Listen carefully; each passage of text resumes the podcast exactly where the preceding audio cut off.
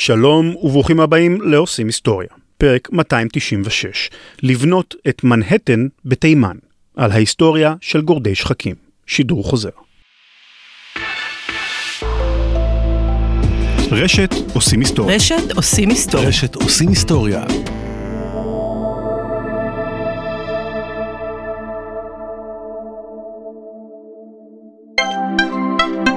הפרק בחסות סיפור משפחתי, תוכנית רדיו דוקומנטרית על המשפחה שלכם. המורשת המשפחתית מתעוררת לחיים בהפקת רדיו עשירה ומרתקת. לפרטים נוספים, בקרו ב-familysounds.co.il.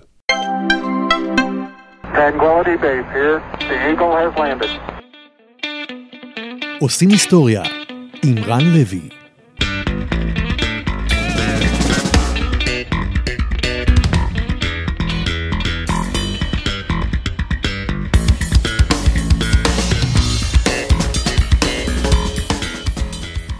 כשהייתי בן 18, בין התיכון לצבא, עבדתי במלון דן כרמל בחיפה בתור נער בריכה. על הנייר זה ג'וב נהדר. כולם סביבך משתכשכים במים, שותים קוקטיילים, מתחילים עם בחורות בביקיני, ואתה, אתה מפנה שולחנות, מקפל מגבות, בעיקר מזיע.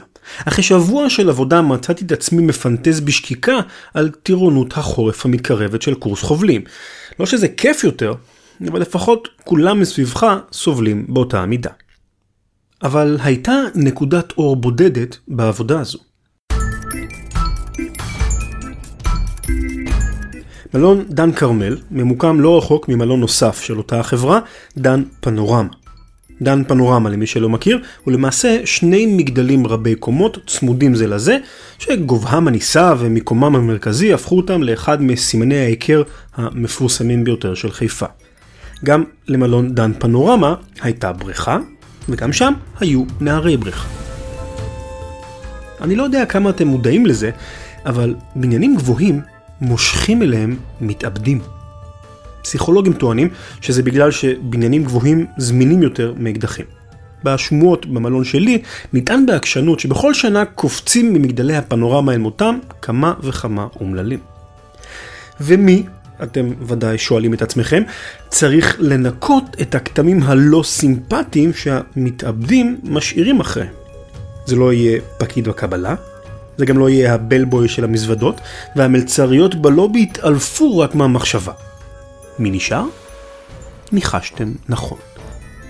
להיות נער בריכה בדן כרמל זה לא ממש תענוג גדול, אבל לפחות אתה לא נער בריכה בדן פנורמה.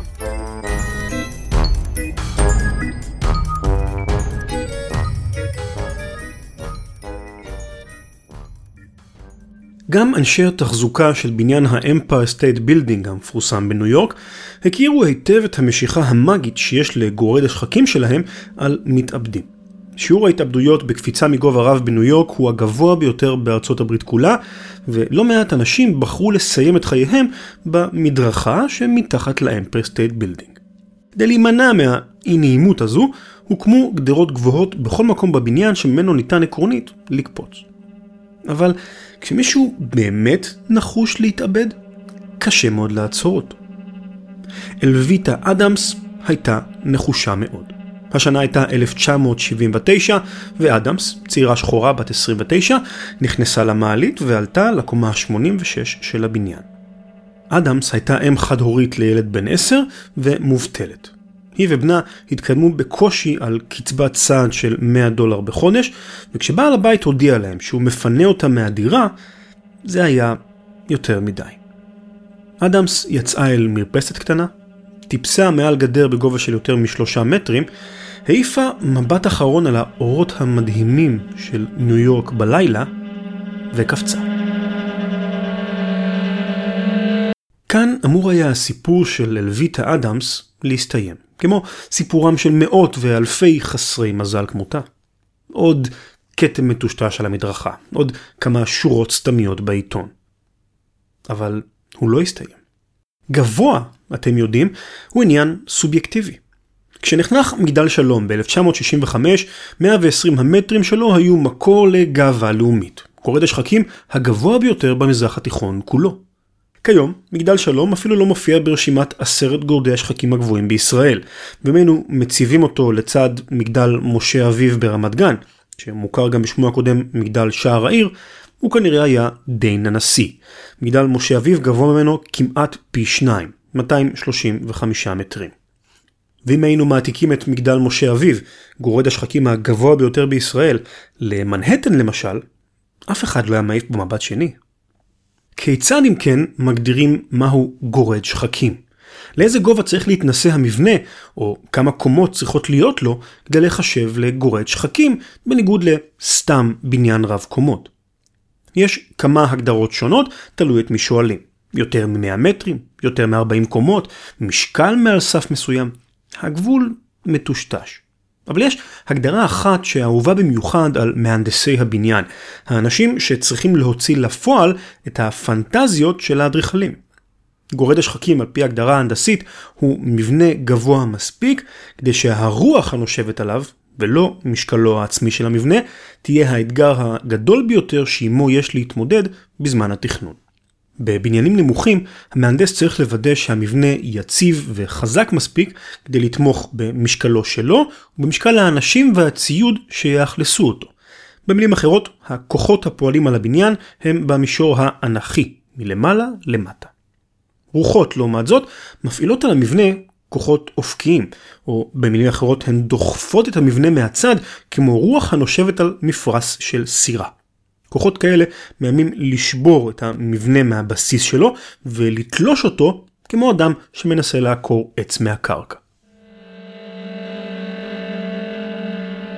רוחות חזקות נשבו גם באותו יום הרה גורל בקומה ה-86 של האמפייר סטייט בילדינג. אלוויטה אדמס זינקה אל מותה, ומשב רוח פתאומי, אקראי לא צפוי, דחף אותה בחזרה אל הבניין. אדמס נפלה על משטח בטון קטן בקומה ה-85 ונעצרה. מעוצמת הפגיעה נשברו כמה מעצמות האגן שלה, ומאבטח שעמד בסמוך שמע את גניחות הכאב מבעד לחלון. הוא שלח יד ומשך אותה פנימה.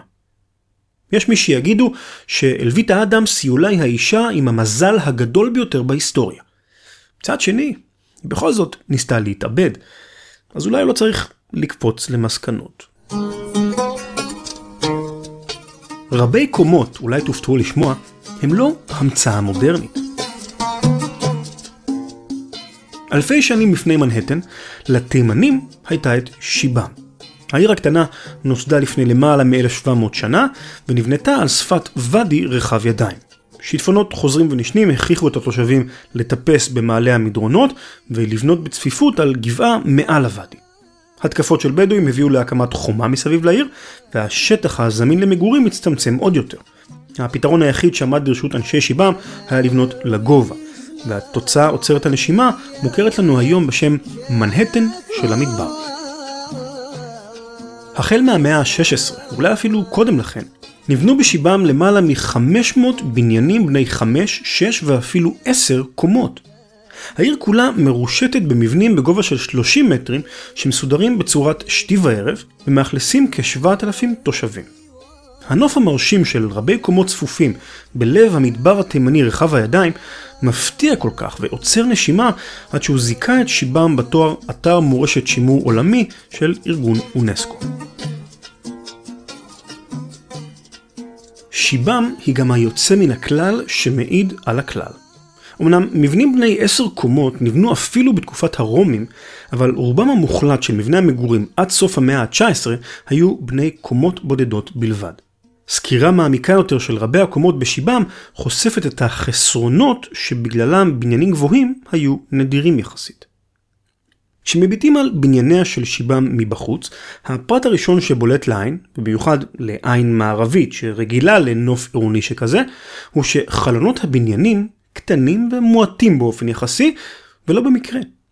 מבנים כאלה נבנו באותה השיטה העקרונית שבה נבנים מבנים נמוכים יותר. כל כובד משקלו של הבניין נתמך על קירותיו. במצב הזה, כל פתח בקיר מהווה נקודת חולשה שעלולה להביא לקריסה קטסטרופלית של המבנה כולו. במבנה נמוך המשקל מועט יחסית ולכן אפשר לפתוח חלונות גדולים בלי חשש שהקיר כולו יקרוס. בבניין רב קומות, לעומת זאת, הלחץ על הקירות גדול בהרבה, ובנייניה של שיבם עשויים מלבני חימר ובוץ, חומרים שהם חלשים מלכתחילה, ועל כן הבנאים לא היו יכולים להרשות לעצמם להחליש את הקירות עוד יותר. היעדר חלונות מכתיב שימוש מוגבר בנרות ואמצעי תאורה דומים שפולטים עשן מסריח ורעיל, לא בדיוק בית שנעים לגור בו. חיסרון נוסף הוא עובי הקירות. עוביים של הקירות בקומות התחתונות הוא כמעט מטר. שוב, כדי לתמוך במשקל הבניין. הקירות העבים מצמצמים את השטח שפנוי למגורים, ולכן על פי רוב בכל קומה יש לא יותר משני חדרים. גם במבנים עתיקים וגבוהים כמו טירות או פירמידות למשל, הקירות התחתונים עבים מאוד, אבל במקרה שלהם לאף אחד זה לא ממש אכפת. קיר עבה בטירה הוא בונוס בזמן מלחמה, ובפירמידה, שהיא כעיקרון קבר גדול, היעדר מרחב מחיה הוא לא בדיוק חיסרון משמעותי. החלל שבתוך הבניינים הגבוהים מחולק כך שהנשים והילדים חיים בקומות התחתונות והגברים בקומות העליונות. הסיבה ברורה. אם אין מעליות, הגברים יכולים לנוח בשקט למעלה, כי לנשים אין כוח לטפס עשרות מדרגות ולהציק להם. למה אתה לא עושה כלים? למה אתה לא מוריד את הזבל? תפסיק לשחק ב Xbox כל היום? תעזוב כבר את המיקרופון הזה. כן. בקיצור, בתים רבי קומות לצורכי מגורים בעידן העתיק לא היו מעשיים במיוחד. הם נבנו רק במקומות שבהם צרכי החיים הכתיבו את קיומם, כמו בשיבם, או במקרים שבהם הרצון להתבלט ולעשות רושם על השכנים גבר על אי הנוחות. כפי שעוד נראה, אלו בדיוק אותן הסיבות שבגללן נבנים גורדי שחקים גם בימינו.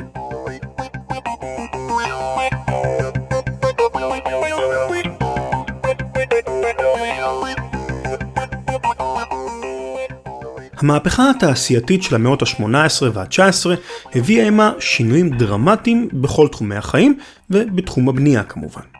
בפרט, שני פיתוחים טכנולוגיים מהמאה ה-19 היו אלו שאפשרו את בנייתם של גורדי השחקים. לפיתוח הראשון אחראי במידה רבה ממציא ותעשיין בריטי בשם הנרי בסמר. בסמר היה נצר למשפחה של יזמים מוכשרים. אביו התעשר כשהמציא שיטה חדשנית לריקוע מתכות, והנרי הלך בעקבותיו ועשה הון גדול משכלול של תהליכים תעשייתיים אחרים. בשנת 1850 לערך, הנרי עבד על תהליכי ייצור של כלי נשק לצבא הבריטי. כמעט מיד הוא הבחין בכך שיש מגבלה מעשית חמורה על גודלם של התותחים והפגזים. החומר שממנו היו עשויים כלי הנשק היה בדרך כלל ברזל יצוק, או יצקת בעברית. ברזל יצוק מכיל את היסוד ברזל, אבל גם 2 עד 3 אחוזים של פחמן. הפחמן הוא זה שמוריד את נקודת ההתכה של הסגסוגת ומאפשר להתיכה בצורה נוחה וליצוק אותה לצורות שונות, אבל הוא גם מביא לכך שהברזל היצוק לא עמיד בלחצים גבוהים והוא נוטה להיסדק ולהתפורר בקלות יחסית. תותחים עשויים מברזל יצוק הם לא חזקים מספיק כדי לראות פגזים כבדים. הפתרון לבעיה הזו, כפי שידעו הנפחים עוד קודם לימיו של בסמר, הוא להקטין את כמות הפחמן. סגסוגת של ברזל שמכילה 2% ומטה של פחמן חזקה יותר, גמישה יותר ועמידה יותר ללחצים חיצוניים מאשר ברזל יצוק. היה לה אפילו שם, פלדה. אבל תהליכי הייצור הקיימים של פלדה לא התאימו לתעשייה כבדה. התהליך המקובל דרש לחמם את הברזל במשך שבועות ארוכים, בתנאים קפדניים ובמנות קטנות. רק אנשי מקצוע מיומנים הצליחו להפיק פלדה, וגם אז כל טון של החומר הזה עלה הון תועפות. כתוצאה מכך, השתמשו בפלדה רק בחרבות או כלים קטנים, אבל לא יותר מזה. אם רצית לבנות גשר למשל, הפלדה היקרה לא באה בחשבון בכלל. הנרי בסמר הפך בראשו במשך זמן רב בניסיון למצוא שיטה משופרת ליצירת פלדה. פריצת הדרך שלו התרחשה ב-1855.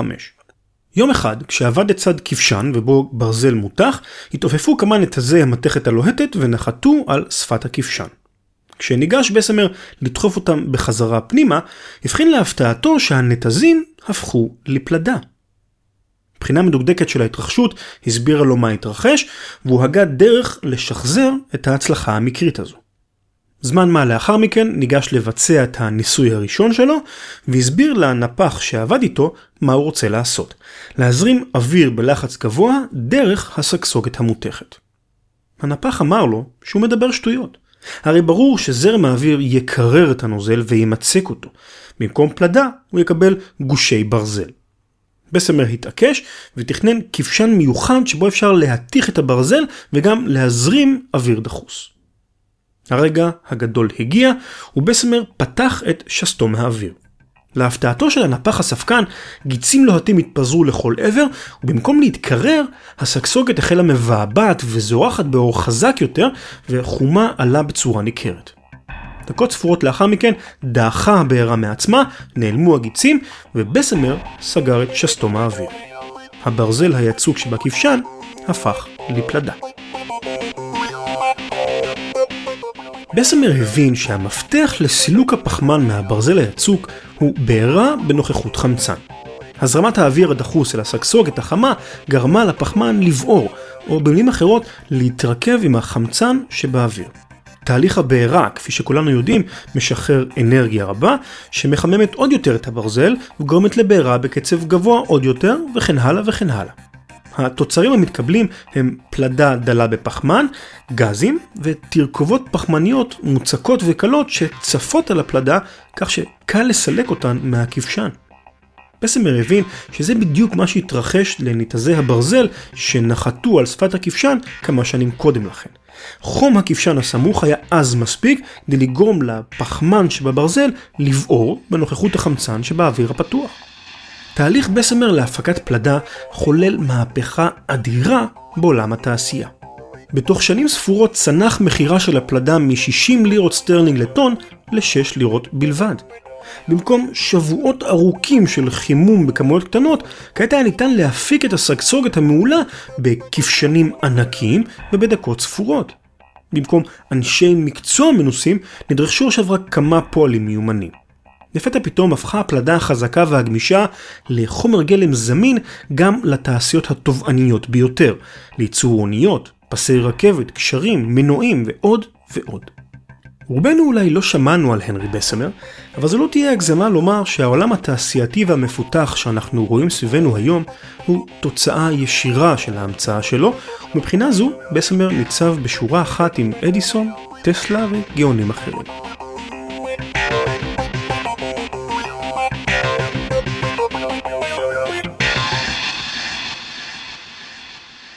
הפיתוח השני שאפשר לפתח את גורדי השחקים היה המעלית. כמו הפלדה, גם הרעיון העקרוני שמאחורי המעלית ותיק למדי. למעשה, מעליות פשוטות שנמשכו על ידי בעלי חיים למשל, נבנו כבר במאה השלישית לפני הספירה. ניצול כוח הקיטור שחרר את המהנדסים מהתלות בכוח השרירים, אבל הציבור עדיין לא היה מוכן להפוך את המעלית לכלי תחבורה שגרתי. דמיינו לעצמכם נסיעה במעלית ראשונית שכזו. קירות המתכת משקשקים ומקרקשים בקול, רצפת המתכת רועדת תחת רגליכם, מנוע הקיטור מטרטר בקול רם ועשוי להתקלקל בכל רגע. ואתם תלויים כל הזמן הזה בין שמיים לארץ על חבל אחד בודד. אין פלא שאנשים רבים העדיפו את המדרגות. אלישע גרייבס אוטיס היה ממציא ויזם, ובשנת 1851 הוא נשכר כדי להקים מפעל לחברה מסוימת. המבנה שנבחר לאכלס את המפעל היה מפעל נטוש, ואוטיס ואנשיו נאלצו להוריד כמויות גדולות של ציוד ישן מהקומות הגבוהות לנמוכות, או להעלות ציוד חדש לקומות הגבוהות. המעליות הפרימיטיביות שהיו זמינות אז היו כאמור לא מציאה גדולה, ואוטיס החליט לתכנן מעלית משלו. השכלול המשמעותי שהוא הכניס במעלית שלו, ושלא היה באף מעלית קיימת, היה מנגנון בטיחות שמנע מהמעלית ליפול לתוך הפיר במידה והכבל שמרים אותה נקרע או השתחרר מסיבה כלשהי. המנגנון היה פשוט למדי באופן עקרוני. בלם היה מחובר לקפיץ, ואם המעלית נעה במהירות גבוהה מהצפוי, כמו במצב של נפילה חופשית, הקפיץ היה משתחרר והבלם היה עוצר אותה כמעט מיד. התגובות המעודדות שקיבל אוטיס על המצאתו דרבנו אותו להקים חברה לייצור מעליות, אבל במשך מספר שנים לא נרשם להם שום ביקוש. הלחץ הכלכלי הביא את אוטיס להגות הדגמה נועזת. היריד העולמי, תערוכה גדולה בנושאי מדע וטכנולוגיה, משכה אליה את תשומת הלב של הציבור והתקשורת, ואוטיס ידע שזו ההזדמנות שלו. ביריד העולמי של 1854 הוא הקים מעלית מאולתרת על רצפת התצוגה והציב איש נושא גרזן כבד בראש המגדל, ממש ליד הגלגלת שמשכה את המעלית. לעיניהם של הצופים הנפעמים, אוטיס עצמו טיפס על הפלטפורמה והחל מתרומם לגובה. ואז הניף האיש את הגרזן וביתק בבת אחת את החבל שאחז במעלית.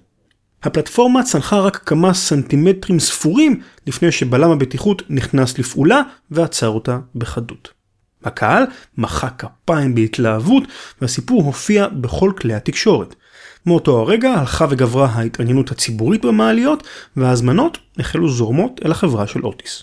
שנים לא רבות לאחר מכן החליפו מנועים חשמליים את מנועי הקיטור והנסיעה במעלית הפכה לבטוחה ונוחה אף יותר. מאז ועד היום נחשבת המעלית לכלי התחבורה הבטוח ביותר בשימוש קבוע. למרות שהן עושות דרך של קילומטרים רבים בכל יום, אחוז התאונות במעליות הוא אפסי כמעט, וכמעט כל מי שנפגע בהן הן טכנאי המעליות ולא הנוסעים. אוטיס מעליות דרך אגב קיימת עד ימינו ועדיין נחשבת לאחת מיצרניות המעליות המובילות בעולם.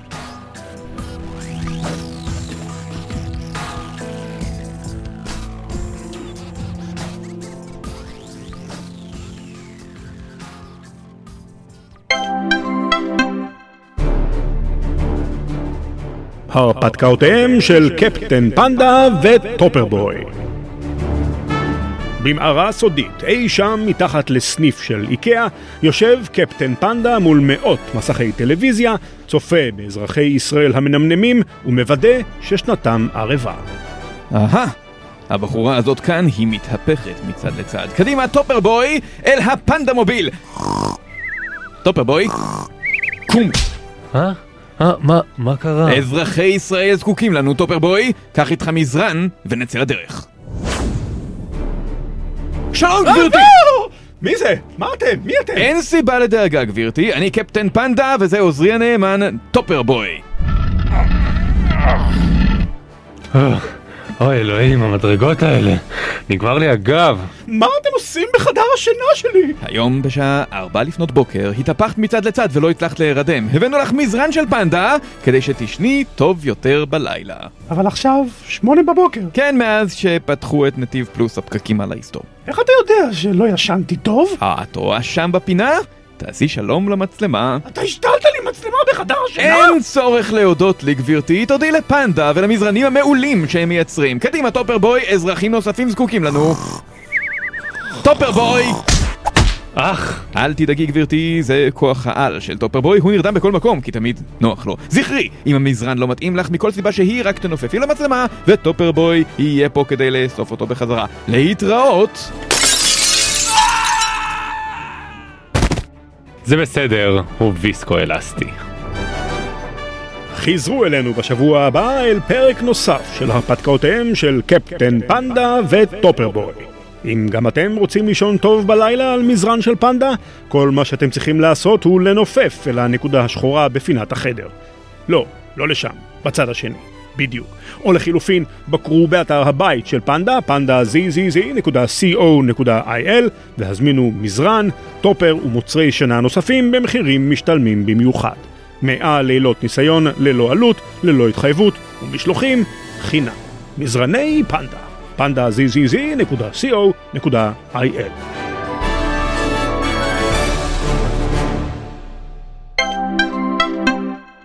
תהליך בסמר לייצור פלדה והמעלית המשופרת של אוטיס היו החלקים החסרים בפאזל תכנון גורדי השחקים.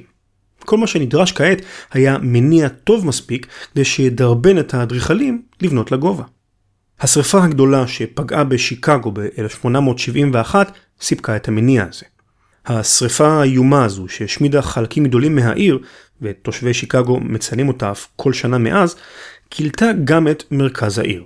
בשנים שלאחר מכן הפך מרכז שיקגו למוקד תנופה של בנייה מסיבית. כששטח הקרקע הפנוי לבנייה יקר, כפי שקורה באופן טבעי במרכז עיר, בנייה לגובה היא החלטה כלכלית מתבקשת מאליה. כל קומה שמתווספת לבניין היא ניצול נוסף של אותו שטח מקורי שעליו נבנה הבניין, שטח שאפשר להשכיר אותו, למכור אותו וכולי. ויליאם לברון ג'ני היה מהנדס בנייה אמריקני שלמד בפריז, אחת הערים המובילות בתחום האדריכלות בשלהי המאה ה-19. עמו למד בכיתה למשל גוסטב אייפל הצעיר, מתכנן המגדל הקרוי על שמו. בתום לימודיו חזר לברון לארצות הברית, הישר לתוך קלחת מלחמת האזרחים. בתום המלחמה, ב-1865, פתח לברון, עכשיו כבר מייג'ור לברון, יש לומר, משרד אדריכלות בשיקגו. כשפנתה אליו חברת ביטוח בשנת 1885 וביקשה ממנו להקים עבורה בניין משרדים בין עשר קומות במרכז העיר, לברון ידע שזו ההזדמנות שלו להוציא לפועל רעיון שהתבשל במוחו מזה זמן מה. הבנייה המסורתית, כאמור, הכתיבה שכל כובד משקלו של הבניין ינוח על קירותיו. לברון החליט לנקוט בשיטה שונה לחלוטין, לבנות את הבניין כולו משלד פלדה. קורות אנכיות ואופקיות השתלבו זו בזו וייצרו קוביות קטנות יחסית, והקוביות הקטנות התחברו זו לזו ליצירת קוביות גדולות יותר, כמו קובייה הונגרית למשל. התוצאה הסופית תהיה שמשקל המבנה ייתמך בשלד שיתפרס לכל אורכו, רוחבו וגובהו של הבניין, ולא רק על קירותיו החיצוניים. למעשה, בשיטה הזו הקירות החיצוניים יתמכו אך ורק במשקלם שלהם, דבר שיאפשר לו לפתוח בקיר חלונות גדולים מבלי לחשוש מהחלשת המבנה כולו. זמינות הפלדה הזולה תרמה לתוכניתו של לברון בשני מישורים. ראשית, הפלדה הקשוחה תמכה במשקל הרצפות והתקרות טוב יותר מברזל יצוק, כך שמשקלו הכולל של השלד היה רק כשליש ממשקל לבנים בכמות זהה. שנית, טמפרטורת ההתכה הגבוהה שלה הפכה את המבנה לעמיד יותר מפני סכנה של התמוטטות עקב שרפה. בונוס רציני כשאתה מנסה למכור את התוכנית שלך לחברת ביטוח. לברון נאלץ להתמודד עם ספקנות רבה מצד האדריכלים בעיריית שיקגו, ומספר פעמים נעצרה הבנייה כשהפקחים התעקשו לוודא שרב הקומות של לברון אכן יציב כפי שהוא טען. כשנסתיימה לבסוף הבנייה, כל מי שהביט בבניין לא יכול היה שלא להתרשם ממנו.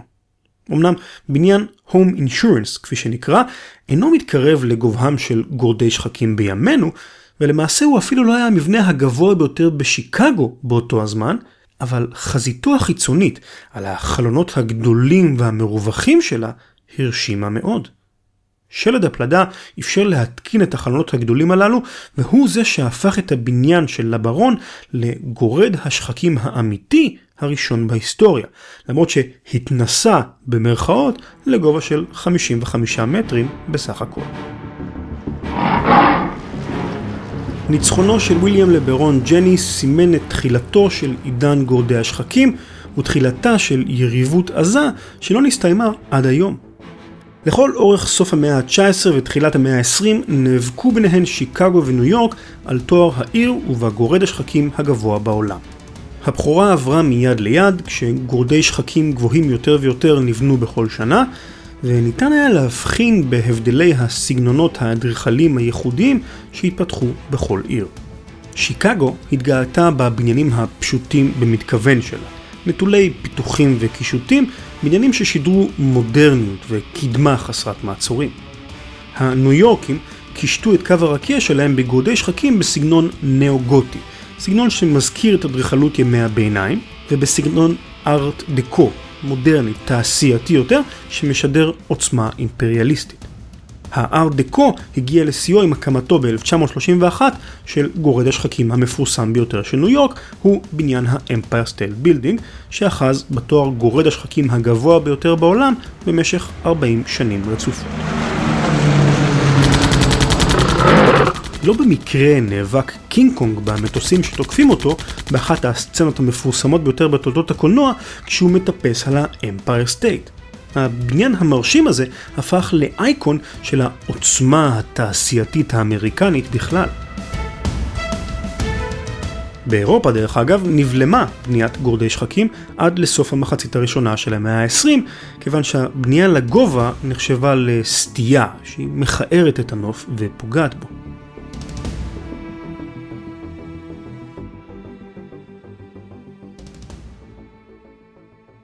אבן דרך נוספת בתולדות התפתחות גורדי השחקים נרשמה ב-1960 בעקבות עבודתו של המהנדס האמריקני ממוצא בנגלדשי פלזלור קאן.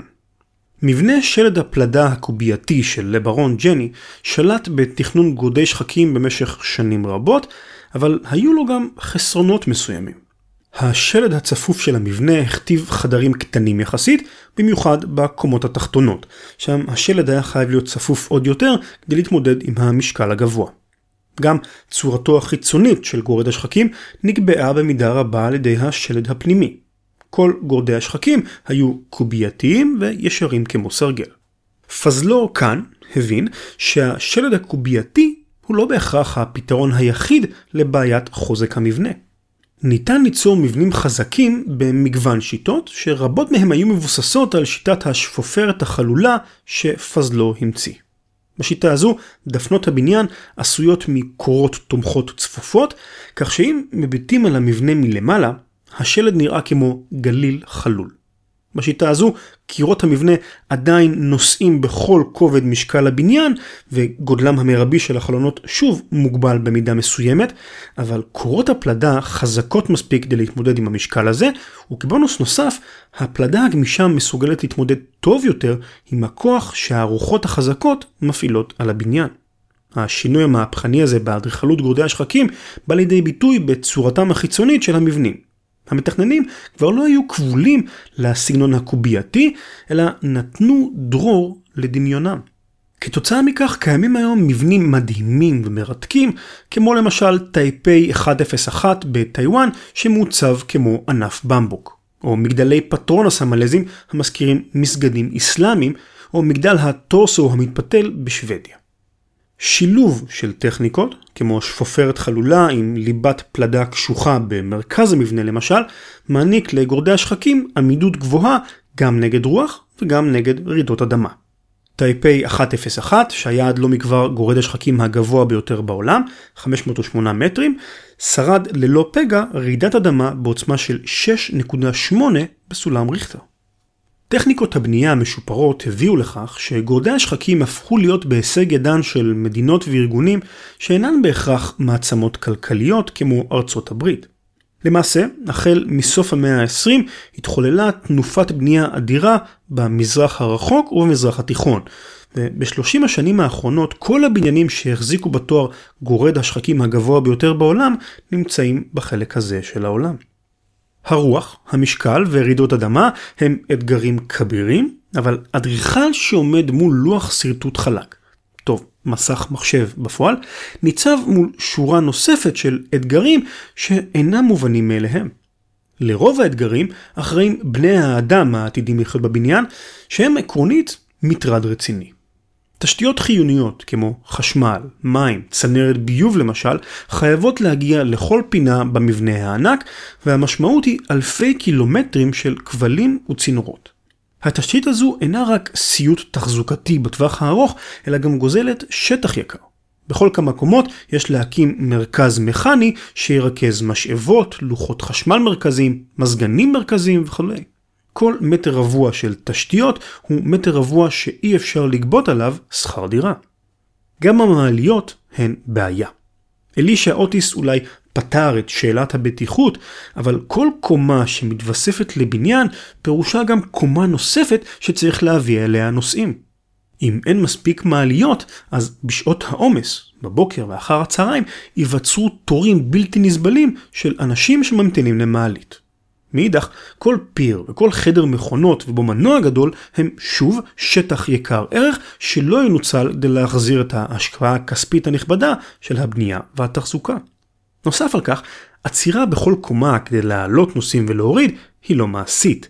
העצירות התכופות יאריכו את זמן הנסיעה מדקות לשעות, במיוחד בשעות העומס. הפתרון המקובל כיום הוא מה שמכונה סקאי לובי. קומות שהן מעין תחנות מרכזיות למעליות. מי שרוצה להגיע לקומה ה-100 למשל, צריך להחליף מעלית בקומה ה-50, וכן הלאה. גם אז, נסיעה מהירה מדי במעלית היא בעיה בפני עצמה. לחץ האוויר בקומות הגבוהות יכול להיות נמוך ב-10% מהלחץ שבתחתית, והנוסעים יסבלו מכאבי אוזניים חזקים כתוצאה משינוי הלחץ. העובדה הזו מגבילה את מהירות המעלית לכ-700 מטרים בדקה בערך, ובבניינים גבוהים במיוחד אין ברירה אלא לאבזר את המעליות במנגנון ששומר על לחץ אוויר קבוע לכל אורך הדרך. בהתמודדות מול עוצמת הרוח, הגמישות הטבעית של הפלדה היא יתרון. המבנה יכול להתקמר ולהתכופף מעט כמו עץ בזמן סופה.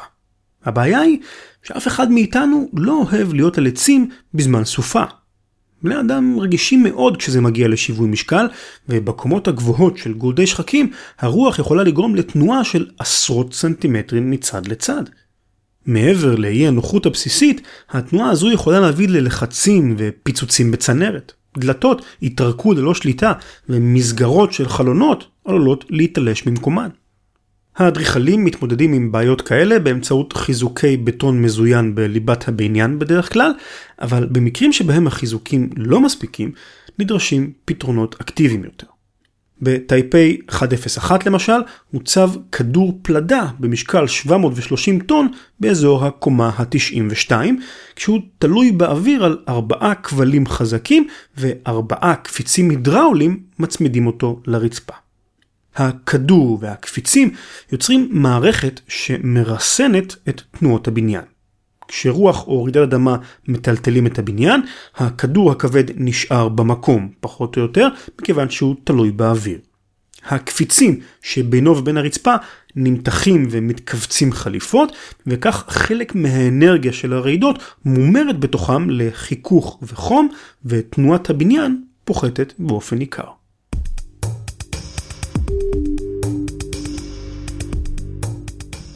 ויש אתגר נוסף, שהוא לא קשור לחוזק המבנה או לצורת השלד שלו, ובכל זאת הוא הופך את בניית גורד השחקים להימור מסוכן.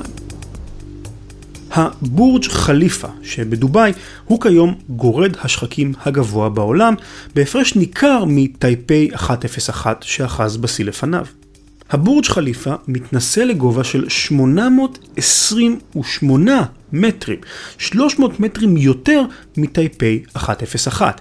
במילים אחרות, ההפרש ביניהם הוא כמו שני מגדלי עזריאלי זה על גבי זה. זו ללא ספק יצירת מופת הנדסית מעוררת יראה. 35 אלף איש, כמספר תושביה של עיר קטנה, יכולים לחיות בתוכו בנוחות יחסית. תושביה של דובאי גאים במבנה המדהים שלהם, ובצדק. אבל אף על פי כן הם שינו את שמו של המבנה מבורג' דובאי, שמה של מדינתם, לבורג' חליפה, על שמו של חליפה בן זייד, נשיא המדינה השכנה, איחוד האמירויות. למה?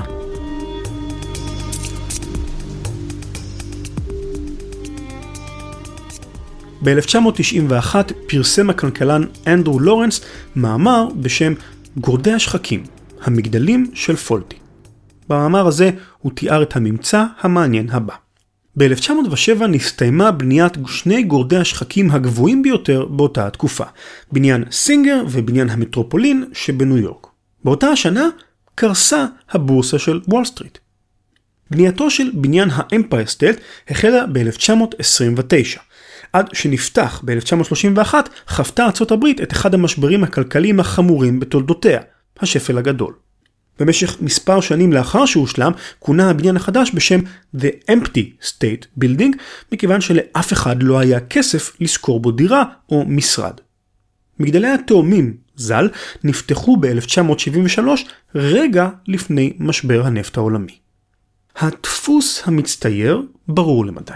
הקמת גורד שחקים שובר שיאים מלווה באחוז גבוה למדי של המקרים במשבר כלכלי.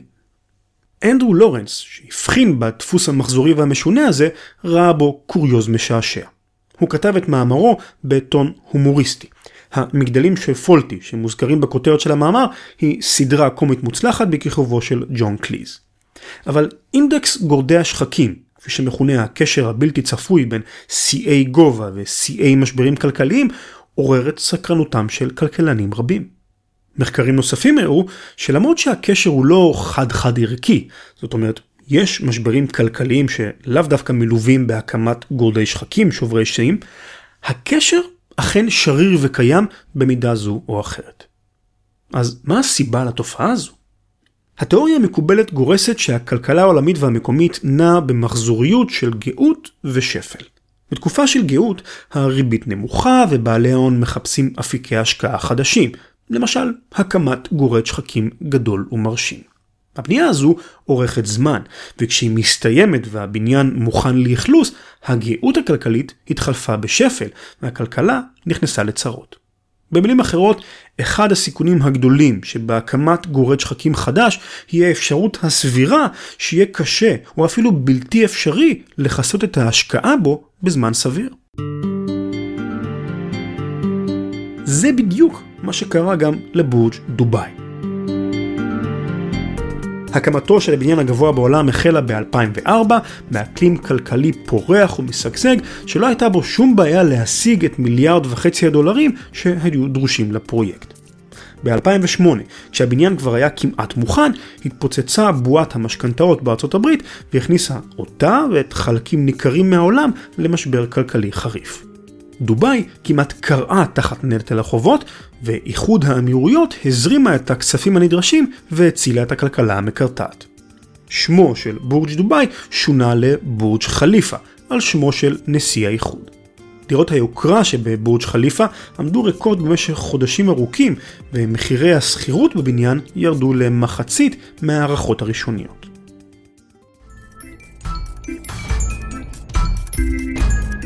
רוח רעידות אדמה, תכנון מורכב, תשתיות מנופחות, סיכון כלכלי לא מבוטל. ההיגיון הפשוט אומר שהקמת גורד שחקים שובר שיאים היא פרט למקרים בודדים ויוצאי דופן, רעיון לא טוב. ובכל זאת, לכל אורך המאה ה-20 וגם היום מתוכננים ונבנים גורדי שחקים חדשים וגבוהים יותר ויותר. הסעודים למשל כבר משרטטים את התוכניות למגדל הממלכה. גורד שחקים בגובה של כקילומטר.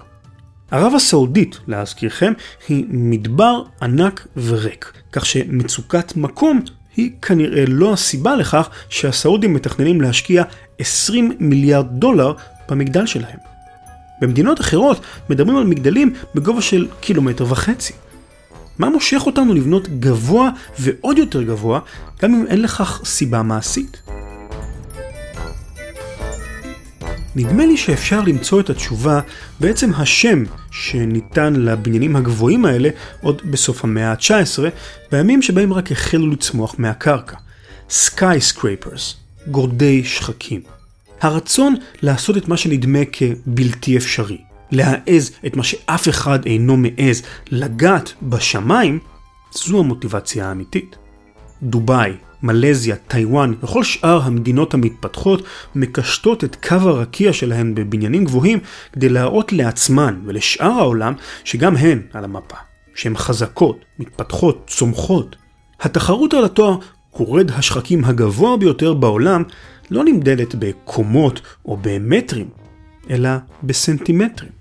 סנטימטרים של היקף חזה, כשכל אזרח במדינה צומחת מרים את ראשו אל המגדל הגבוה שלו ומנפח את חזהו בגאווה. אני חושב שאפשר לומר במידה גבוהה של ודאות שכל עוד יאפשרו זאת חוקי הפיזיקה, המעצמות הנוכחיות והעתידיות ימשיכו לנסות ולהוכיח זו לזו למי יש יותר גדול. מבחינתם של גורדי השחקים, השמיים הם הגבול.